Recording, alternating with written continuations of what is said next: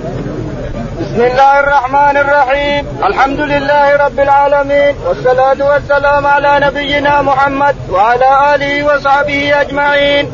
قال أبو عبد الله محمد بن إسماعيل البخاري رحمه الله في جامع صحيح كتاب الأشربة كتاب الأشربة باب آنية الفضة. قال رحمه الله حدثنا موسى بن إسماعيل قال حدثنا أبو عوانة عن الأشعث بن سليم عن معاوية بن سويد بن مقرن عن البراء بن عادب قال أمرنا رسول الله صلى الله عليه وسلم بسبع ونهانا عن سبع. أمرنا بعيادة المريض واتباع الجنازة وتشميت العاطس وإجابة الداعي. وإفشاء السلام ونسر المظلوم وإبرار المقسم ونهانا عن خواتيم الذهب وعن الشرب وعن الشرب في الفضة أو قال آنية الفضة وعن المياذر والقسي وعن لبس الحرير والديباج والاستبرق. بسم الله الرحمن الرحيم الحمد لله رب العالمين وصلى الله على نبينا محمد وعلى آله وصحبه أجمعين يقول الإمام الحافظ ابو عبد الله محمد بن بن إسماعيل البخاري رحمه الله في صحيحه ونحن لا نزال في كتاب اللباس. في كتاب الأشربة. في كتاب الأشربة. يقول رحمه الله باب آنية الفضة. باب آنية يعني تحريم شرب آنية الفضة.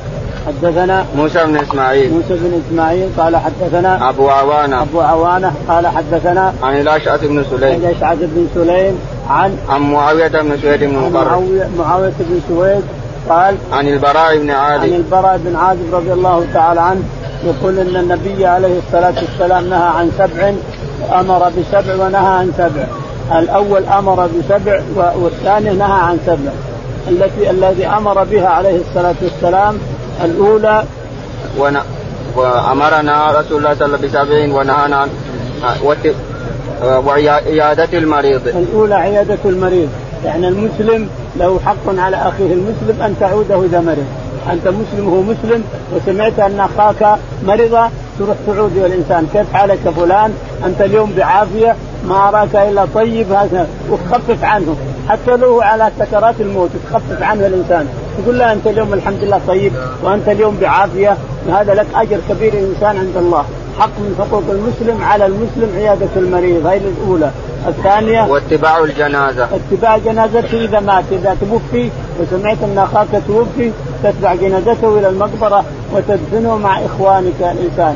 أولا تصلي عليه ولك قراط والثانية تتبعه إلى ولك قراط إلى المقبرة. نعم. وتشميت العاطس. وإذا عطس تشمته. إذا حمد الله. إذا قال الحمد لله تقول يرحمك الله. تشمته إذا عطس نعم. وإجابة الداعي. وإجابة دعوته إذا دعاك الإنسان. دعاك الوليمة دعاك الكذا دعاك الكذا تجب دعوته الإنسان. نعم. وإفشاء السلام. وإفشاء السلام. السلام عليكم. يا فلان يقول عليكم السلام. شيء ترد عليه السلام يرد عليك السلام إلى آخر. نعم. ونصر المظلوم. ونصر المظلوم. إذا رأيت إنسانا مظلوما تنصره الإنسان حق المسلم على المسلم أن تنصره. فإنسان مثلا بيضرب وإنسان بغصب منه شيء تنصره. نعم. وإبرار المقسم وإبرار المقسم إذا أقسم عليك والله تدخل عندي والله تجي معي والله تروح معي والله تدخل معي؟ تبر قسمه. لا تحنته لا تحنته لأن تحنيده كبيرة من كبائر الذنوب. إذا حنته حلفه. وحنته كبيرة من كبائر الذنوب لأنه عليه كفارة مسكين. نعم. ونهانا عن خواتيم الذهب. ونهانا عن خواتم الذهب. يعني ما ما نتختم بالفضة ولا بالذهب. الذهب والفضة جائز لكن خواتم الذهب على الذكور حرام. أما النساء فلا بأس. أما الرجال فخواتم الذهب محرم. لحديث عمر رضي الله عنه. قال هذان أخذ الحرير وأخذ الذهب. هذان حرام على ذكور أمتي حل لإناثها. يعني الناس تعمل بما تلبس الحرير وتلبس الذهب نعم. وعن وعن الشرب في الفضة. وعن الشرب في إناء الفضة ما يجوز. وورد حديث أبي هريرة من من شرب في في إناء ذهب أو فضة فإنما يجرجر في بطنه نار جهنم. نعم. أو قال أو آنية فضة وعن المياثر. وعن المياثر. المياثر هي الفرش يجعل بطنها حرير. المياثر تجعل في بطنها فوقها قطن وتحتها حرير. لا يجوز الجلوس على الحرير سواء حطيت فيه فوقه شيء أو ما فوقه شيء. الحرير حرام استعماله الجلوس عليه ولبسه واستعماله حرام الحرير نعم واللبس هذا على الرجال والنساء ما هو بس على الرجال. الحرير لما ياثر ما يجوز افتراشها حتى على النساء. نساء أو رجال لا يجوز لأن الحرير محرم. نعم. والقسي والقسي كذا نوع من الحرير. الحرير هو سلك والقسي والاستبرق والديباج سلكين من سلكين نعم باب شرب باب الشرب في الاقداح قال رحمه في الأقداح. قال رحمه الله حدثنا عمرو بن عباس. قال حدثنا عبد الرحمن. قال حدثنا سفيان عن سالم أبو النضر عن عمير مولى أم الفضل عن أم الفضل أنهم شكوا في صوم النبي صلى الله عليه وسلم يوم عرفة فبعث إليه بقدح من لبن فشربه. يقول البخاري رحمه الله باب الأقداح. القدح الزبدية هذه التي أحيانا تكون من معدن واحيانا من خشب وأحيانا من الفضة. ولكن الفضة حرام استعمالها على الرجال والنساء. إنما الخشب أو المعدن أو اشياء أشياء أو حجر هذا كله جائز. يقول البخاري رحمه الله. حدثنا عمرو بن عباس. عمرو بن عباس قال حدثنا عبد الرحمن. عبد الرحمن قال حدثنا سفيان الثوري. سفيان الثوري قال عن سالم أبو النضر. عن سالم ابي النضر قال عن عمير مولى أم الفضل. عن عمير مولى أم الفضل بنت الحارث الهلالية. أنهم شكوا النبي عليه الصلاة والسلام هو صائم يوم عرفة واقف بعرفة على ناقته. مستقبل القبلة مستقبل الجبل جبل عرفة مع الكعبة مستقبل الجبل على الكعبة. واقف عند الصخرات. بطن ناقته على الصخرات وقدامه حبل يسمى حبل المشاة من من التراب من الرمل. لكن الآن ما في حبل المشاة ما ادري شالته الريح ولا نزحوه الناس الله أعلم. الشاهد أنهم شكوا هل هو صائم أو مفطر. فقالت أنا احسن لك الموضوع. فاخذت اخذت قدح وملته لبن ارسلته للرسول عليه الصلاة والسلام وهو واقف على ناقته. فأعطاه إياه فأخذه وشربه. فعرف أن الرسول ما صام. أنه مفطر عليه الصلاة والسلام نعم. باب باب الشرب باب الشرب من قدح النبي صلى الله عليه وسلم وآنيته وقال أبو بردة قال لي عبد الله بن سلام ألا أسقيك في قدح شرب النبي صلى الله عليه وسلم فيه قال رحمه الله حدثنا سعيد بن أبي مريم قال حدثنا أبو غسان قال حدثني أبو حازم عن سالم بن سعد رضي الله عنه قال ذكر للنبي صلى الله عليه وسلم امرأة من العرب فأمر أبو سيد الساعدي أن يرسل إليها فأرسل إليها فقدمت فنزلت في اجم بني ساعدة فخرج النبي صلى الله عليه وسلم حتى فدخل عليها فإذا امرأة منكسة رأسها فلما كلمها النبي صلى الله عليه وسلم قالت أعوذ بالله منك. فقال قد أعزتك مني. فقالوا فقالوا لها أتدري من أتدرين من هذا؟ قالت لا. قالوا هذا رسول الله صلى الله عليه وسلم. جاء جاء, جاء ليخطبك. قالت كنت أنا أشقى من ذا من ذلك. فأقبل النبي صلى الله عليه وسلم يومئذ حتى جلس في سقيفه بني ساعدة وهو وأصحابه ثم قال أسقنا يا سهل. فخرجت لهم بهذا القدح فأسقيتهم فيه فأخرج لنا سهل ذلك القدح فشربنا منه. قال ثم استوهبه عمر بن عبد العزيز بعد ذلك فوهبه له. يقول البخاري رحمه الله باب أقدح النبي عليه الصلاة والسلام. حدثنا سعيد بن ابي مريم سعيد بن ابي مريم قال حدثنا ابو غسان ابو غسان قال حدثنا ابو حازم ابو حازم قال عن سعد بن سعد عن سهل بن سعد عن سهل بن سعد الساعدي رضي الله عنه قال قال ذكر للنبي صلى الله عليه وسلم امرأة من العرب قال ذكر للنبي عليه الصلاة والسلام امرأة من العرب جميلة يعني ومن العرب من رؤوس العرب فأرسل وقال أرسلوا إليها فأرسلوا إليها وجاءت وسكنت في أثمة بني ساعدة يعني أرض مرتفعة شوية تسمى أثمة فيها غرف ثلاث غرف. فدخل عليها الرسول عليه الصلاة والسلام فتكلمها ليخطبها فقالت أعوذ بالله منك. وفي رواية أعوذ بالله منك. فقال عليه الصلاة والسلام لقد عدت بمعاذ. وهنا يقول لقد أعدتك. لقد أعدت لقد أعدت بالله. حيث تعودت بالله لقد أعادك الله تعالى تقدس فخرج منها. فقيل لها تعرفين من هذا؟ قالت لا. قالوا قالوا هذا رسول الله عليه الصلاة والسلام. قالت أنا أنا شقية في الحقيقة أنا شقية. يعني اللي ما ما خاطبت الرسول عليه الصلاة والسلام ولا جاوبته المفروض إني أرحب به عليه السلام. لكن الشقى غلب علي. يقول أنا شقية غلب علي الشقاء الشاهد الشاهد من الرسول قال لقد عدت بمعاذ. هذه روايه ابي داود لقد عدت بمعاذ. هنا يقول لقد اعدتك عدت بالله لقد اعدتك فأقبل النبي صلى الله عليه وسلم يومئذ حتى جلس في سقيفة بني سعيدة هو وأصحابه ثم قال أسقنا يا سهل.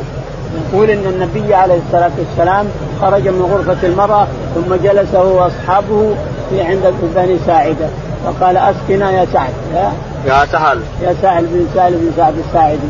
اسقنا يا سهل. فجاء بأقداح فيها ماء فشرب الرسول وشرب أصحابه معه. شاهد اقداح القدح يعني يكون من المعدن واحيانا من الخشب نعم.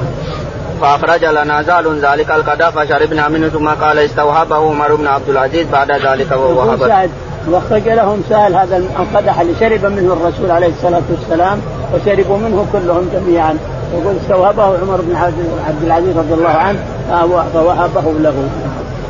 قال رحمه الله حدثنا حسن بن المدرك قال حدثني يحيى بن حماد قال أخبرنا أبو عوانة عن عازم الأحول قال رأيت قدح النبي صلى الله عليه وسلم عند أنس بن مالك وكان قد انسدع فسلسله بفضة قال وهو قدح جيد عريض من نضار من نضار. قال قال أنس لقد سقيت رسول الله صلى الله عليه وسلم في هذا القدح أكثر من كذا وكذا. قال وقال وقال ابن سيرين إنه كان في فيه حلقة من حديد فأراد انس فأراد انس ان يجعل مكانها حلقه حلقة من ذهب أو فضة فقال له أبو طلحة لا تغيرن شيئا صنعه رسول الله صلى الله عليه وسلم فتركه. يقول البخاري رحمه الله حدثنا الحسن بن مدرك الحسن بن مدرك قال حدثنا يحيى بن حماد. يحيى بن حماد قال حدثنا أبو عوانة. أبو عوانة قال عن عاصم الاحول عن عاصم الأحول قال حدثنا قال رأيت قدح النبي صلى الله عليه وسلم عند أنس بن مالك. يقول رأيت قدح النبي عليه الصلاة والسلام الذي يشرب فيه عند أنس بن مالك رضي الله عنه وأرضاه. يقول مسلسل منكسر من خشب هو. ولكن لونه لون الضوار لونه لون الذهب يعني أصفر آه، وانكسر لأنه خشب. آه، نزل طاح على الأرض انشطب انشعر فقام عليه الصلاة والسلام وسلسله بفضة. يعني صار الواحد يخرجه يحط فيه فضة فضة فضة فضة حتى جميع الشعب يقول حتى مات عليه السلام وهو عند أنس بن مالك في سلسلة موجودة قال في حلقة يقول من حديد. القدح فيه حلقة من حديد وفيه سلسلة الفضة. نعم.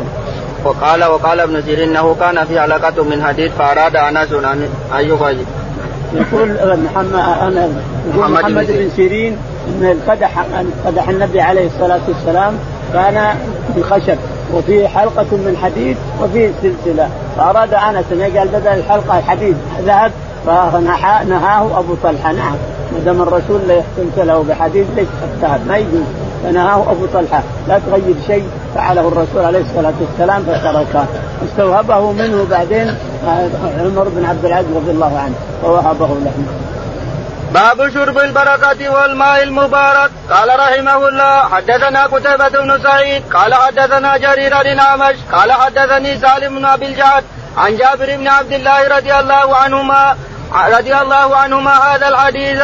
قال قد رأيتني مع النبي صلى الله عليه وسلم وقد حضرت العصر وليس معنا ماء غير فضلة فجعل في إناء فأتي النبي صلى الله عليه وسلم به. فأدخل يده فيه وفرج أصابعه ثم قال حي على أهل الوضوء البركة من الله فلقد رأيت الماء يتفجر من بين أصابعه فتوضأ الناس وشربوا فجعلت لا آل ما جعلت في بطني منه فعلمت أنه بركة قلت لجابر كم كنتم يومئذ قال ألفا وأربعمائة. تابعه عمرو عن جابر وقال حسين وعمرو بن مرة عن سالم عن جابر خمسة, خمسة عشر مئة. وتابعه سعيد بن المسيب عن جابر.